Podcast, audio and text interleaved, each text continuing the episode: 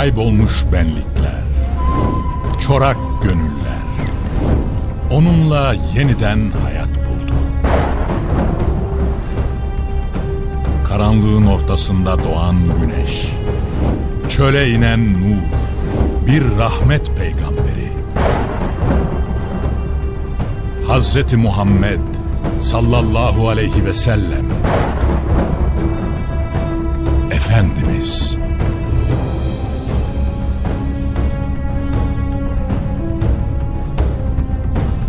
Eser Reşit Haylamaz. Yöneten Yaşar Özdemir. Kurgu Soner Can. Müzikler Brian Keane ve Ömer Faruk Tekbilek. Gönül tahtımızın eşsiz sultanı. Efendimiz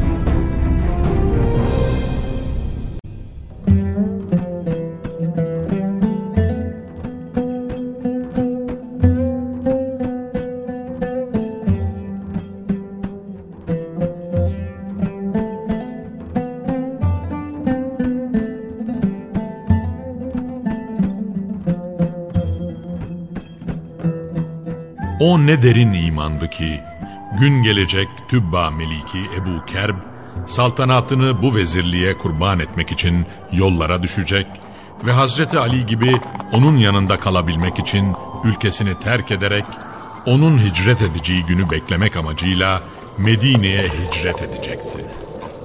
Bu ne hikmetti ki yıllar öncesinden silahlı ordularla yıkmak maksadıyla girmek istediği Medine'ye şimdi tacını ve saltanatını Yemen'de bırakarak gelecek Nebi'nin evini inşa etme niyetiyle yalnız gidiyordu.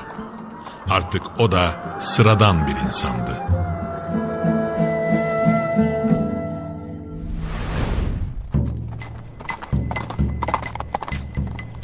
Derken geldi Medine'ye ve buradan bir arsa satın aldı. Çok geçmeden malzeme tedarik edip bu arsanın üzerine bir ev inşa ettirmeye. Medine küçük bir beldeydi ve herkes birbirini tanıyordu. Yabancının kim olduğunu çözmek uzun sürmemişti. Yemen taraflarından gelen bu adam, herkesin elde etmek için canını ortaya koyduğu makam ve saltanatı elinin tersiyle bırakıp buralara gelmişti. Henüz aralarına yeni katılan bu şahısla ilgili meraklı gözler bir açıklama bekliyordu. Niçin bunca debdebe, saltanat ve emri altındaki binlerce insan bir kenara bırakılıp buralara gelinmişti? Ve niçin burada bir arsa satın alınıp ev inşa ettiriyordu?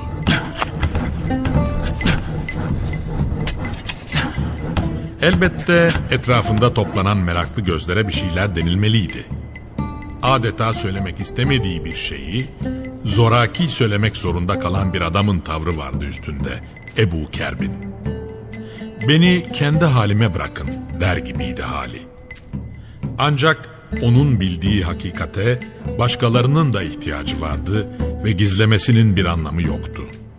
Hem belki Yemen ehli gibi Medineliler de imana gelirlerdi. Belli ki kalbi de heyecanla çarpıyordu ve titrek dudaklarından şu cümleler dökülmeye başladı.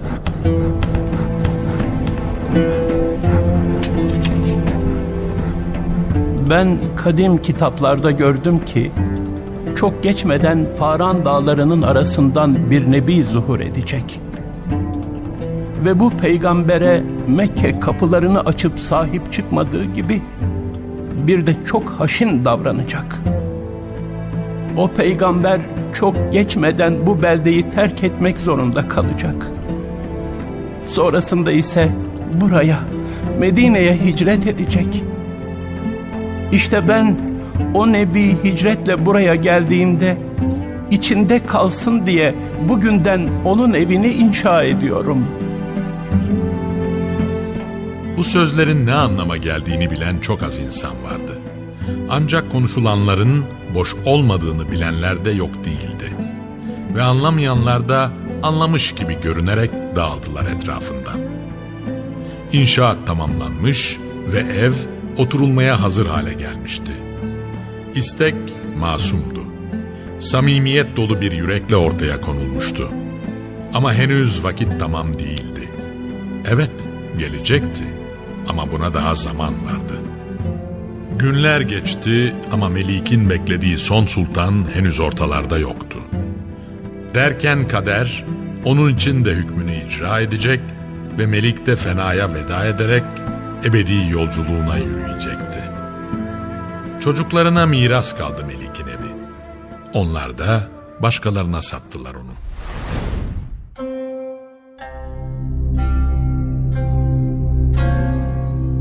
Yemen'deki bu müspet gelişmenin delilleri sonraki yıllarda da kendini hissettirecek ve kazılarda ortaya çıkan yazılar ve diğer belgeler sonrakiler için o günün insanların inancı hakkında net bilgiler sunacaktı. İşte iki örnek. Yıllar sonra San'a'da ortaya çıkan bir mezarda iki kardeşin cesedi ve bu cesetlerin yanında da gümüşten bir levha bulunacaktı. Daha da önemlisi bu gümüş levhanın üstünde altın harflerle şu yazının olmasıydı. Bu Tübba'ın çocukları Lemis ve Vahabi'nin kabridir. Bu iki kardeş de kendilerinden önceki salih kimseler gibi La ilahe illallahu vahdehu la şerike leh inancı üzerine vefat etmişlerdir. Hazreti Ömer'in hilafeti zamanında Necranlı bir adam bağ ve bahçesinde kazı yapıyordu. Bir miktar ilerlemişti ki hiç beklemediği bir sürprizle karşılaştı. Karşısında yıllar önce vefat etmiş bir beden duruyordu. Elini başındaki yaranın üzerine koymuş, adeta öylece bekliyordu. Elinden tutup kaldırmak isteyince başından kan fışkırmaya başladı. Şaşılacak şeydi.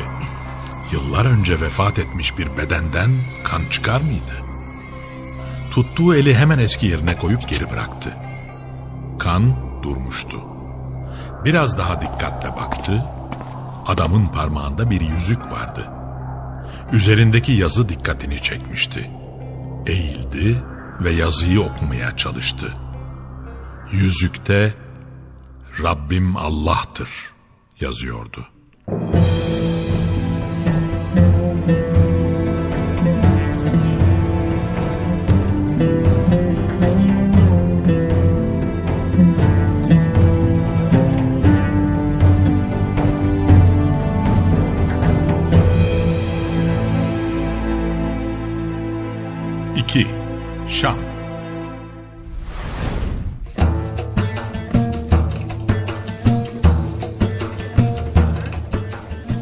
Günlerde Şam, ticaretin önemli merkezlerinden biri konumundaydı. Ve Kureyş, güçlerini birleştirerek kervanlar tertip eder, ticaret için her yıl buralara kadar gelirdi. Şam beldeleri manasında Biladüş Şam ile bugünkü Şam şehrinden ziyade Filistin ve Ürdün'ü de içine alan geniş bir coğrafya kastedilmekteydi. Hakim inanç itibariyle Hristiyan olup Bizans hakimiyeti altında bulunan azımsanmayacak miktarda Yahudi ve Hristiyan din bilgini bulunuyordu. İşte bu bilge zatlar zaman zaman konuyu gelecek günlere getirir ve o günlerde gelecek bir nebiden bahsederlerdi.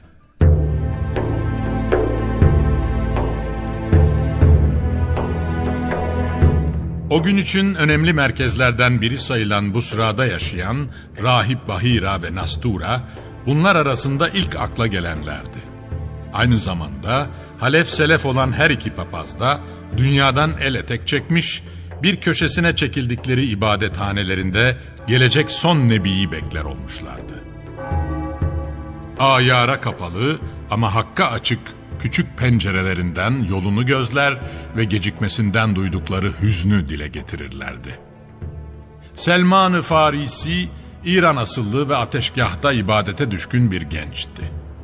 Şam'a geldiği günlerden birinde uğradığı kilisede gördükleri onu daha hayırlı bir ibadet arayışına sevk etmiş, o da sırf bu sebeple memleketini terk ederek buraya gelmiş ve bir papaza intisap etmişti.'' Ancak intisap ettiği bu papaz beklediği gibi çıkmamıştı. Papaz insanları aldatıyor ve insanların dini duygularını istismar ederek haksız kazanç elde ediyordu. Çok geçmeden de ölmüş ve yerine yeni bir papaz tayin edilmişti. Artık Selman-ı Farisi bütün ömrünü her haliyle takdir edip sevdiği bu papazla geçiriyordu. Ancak ömür sınırlıydı. Ve günün birinde bu papaz da hastalanınca telaşla yanına yaklaştı Selman. Kendisini kime emanet edeceğini soruyordu. Ey oğulcuğum, Allah'a yemin olsun ki buralarda sana tavsiye edebileceğim birini bugün bilmiyorum. Hmm. İnsanlar helak olup gittiler. Birçoğu dinini dünya ile değiştirdi. Hmm.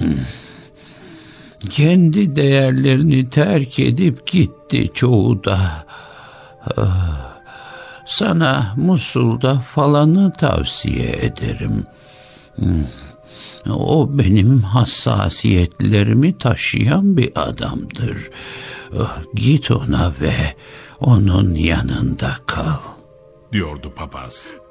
Ve güneş batmıştı. Artık papaz da yaşamıyordu.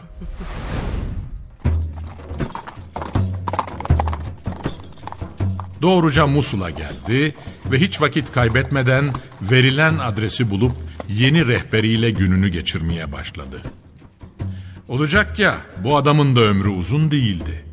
Ölüm döşeğindeki papazın yanına yaklaşıp aynı şeyi soran Selman'a gösterilen adres Nusaybin'di. Nusaybin'de bir müddet kalmıştı.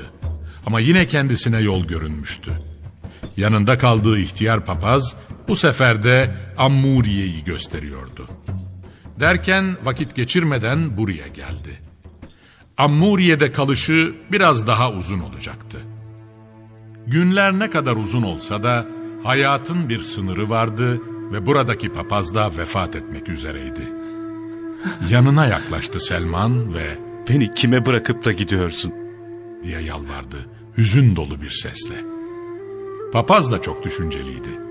Zaman zaman gözlerini ufka dikiyor ve öylece kala kalıyordu. Yine aynı hal vardı üstünde. Hüzün dolu bir sesle şunları söylemeye başladı. Bugün buralarda seni emanet edebileceğim birini bilmiyorum. Fakat İbrahim'in Hanif dini üzere gönderilecek son nebinin gölgesi üstümüzdedir. O Arap diyarında zuhur edecek. Onun hicret edeceği yer iki sıcak mekan arasında hurma ağaçlarıyla dolu bir yerdir. Onun gizli kalmayacak bazı alamet ve işaretleri vardır. İki omzu arasında nübüvvet mührü vardır. O hediye kabul etmekle birlikte sadaka asla kabul etmez ve yemez. Şayet bu beldeye gitmeye gücün yeterse git ve onu bekle orada. Gördüğünde tanırsın onu. Ve hüzünlü Selman biriktirdiği bütün mal ve mülkünü satarak yeniden yola düşecekti. Bu seferki hedefi geleceğine iman ettiği Allah'ın son peygamberiydi.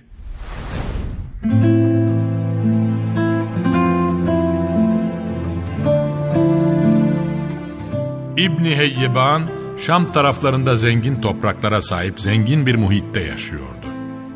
Dine olan yatkınlığı kısa sürede onu bir Yahudi bilgini haline getirmişti. Derken okuyup öğrendiği bilgilere dayanarak bir gün evini terk etti ve beklediği Nebi'nin arayışıyla yollara düştü. Hedefi Medine'ydi. Buraya yerleşecek ve böylelikle beklediği son Nebi'nin gelişini kaçırmamış olacaktı.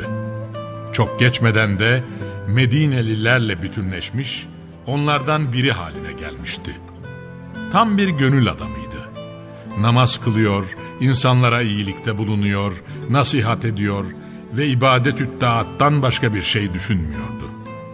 Kıtlık zamanlarında Medineliler onun yanına geliyor ve rahmetin gelişine vesile olması için ettikleri dualarda onu da yanlarında görmek istiyorlardı. Oysa Allah adına gönülden bir sadaka verilmeden bu isteklere evet demez ve duaya çıkmadan önce hayır adına bir faaliyetin yürütülmesini isterdi. Daha sonra duaya dururlar ve çok geçmeden meclislerine yağmur yüklü bulutların gelip rahmete vesile yağmur indirmeye başladığına şahit olurlardı. Aynı durum birkaç kez tecrübe edilip kesinlik kazanınca artık bu bir kanaati kat'i haline gelmişti. Ne var ki İbni Heyyeban içinde yolculuk emareleri zuhur etmişti.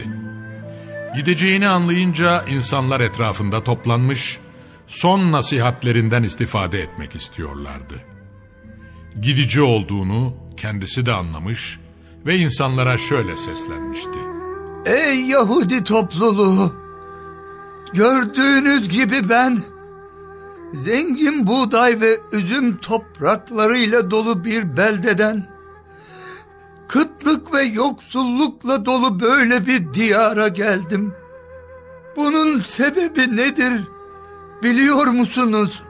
Herkesi bir merak almıştı. Ancak onun buraya niçin geldiğini kim bilebilirdi ki? Sessizce gelmiş ve adeta bir Medineli gibi sıradan bir hayat yaşar olmuştu. Dudaklarını bükerek, sen daha iyi bilirsin diye cevapladılar. Tarihe bir not düşmek gerekiyordu ve İbni Heyyeban tane tane şunları söylemeye başladı. Ben bu beldeye zuhuru yaklaşmış olan Nebi'yi beklemek için geldim. Burası onun hicret edeceği beldedir. Ben ümit ediyordum ki o buraya gelir ve ben de ona tabi olurum. Gölgesi başınızın üstündedir. Neredeyse gelmek üzere.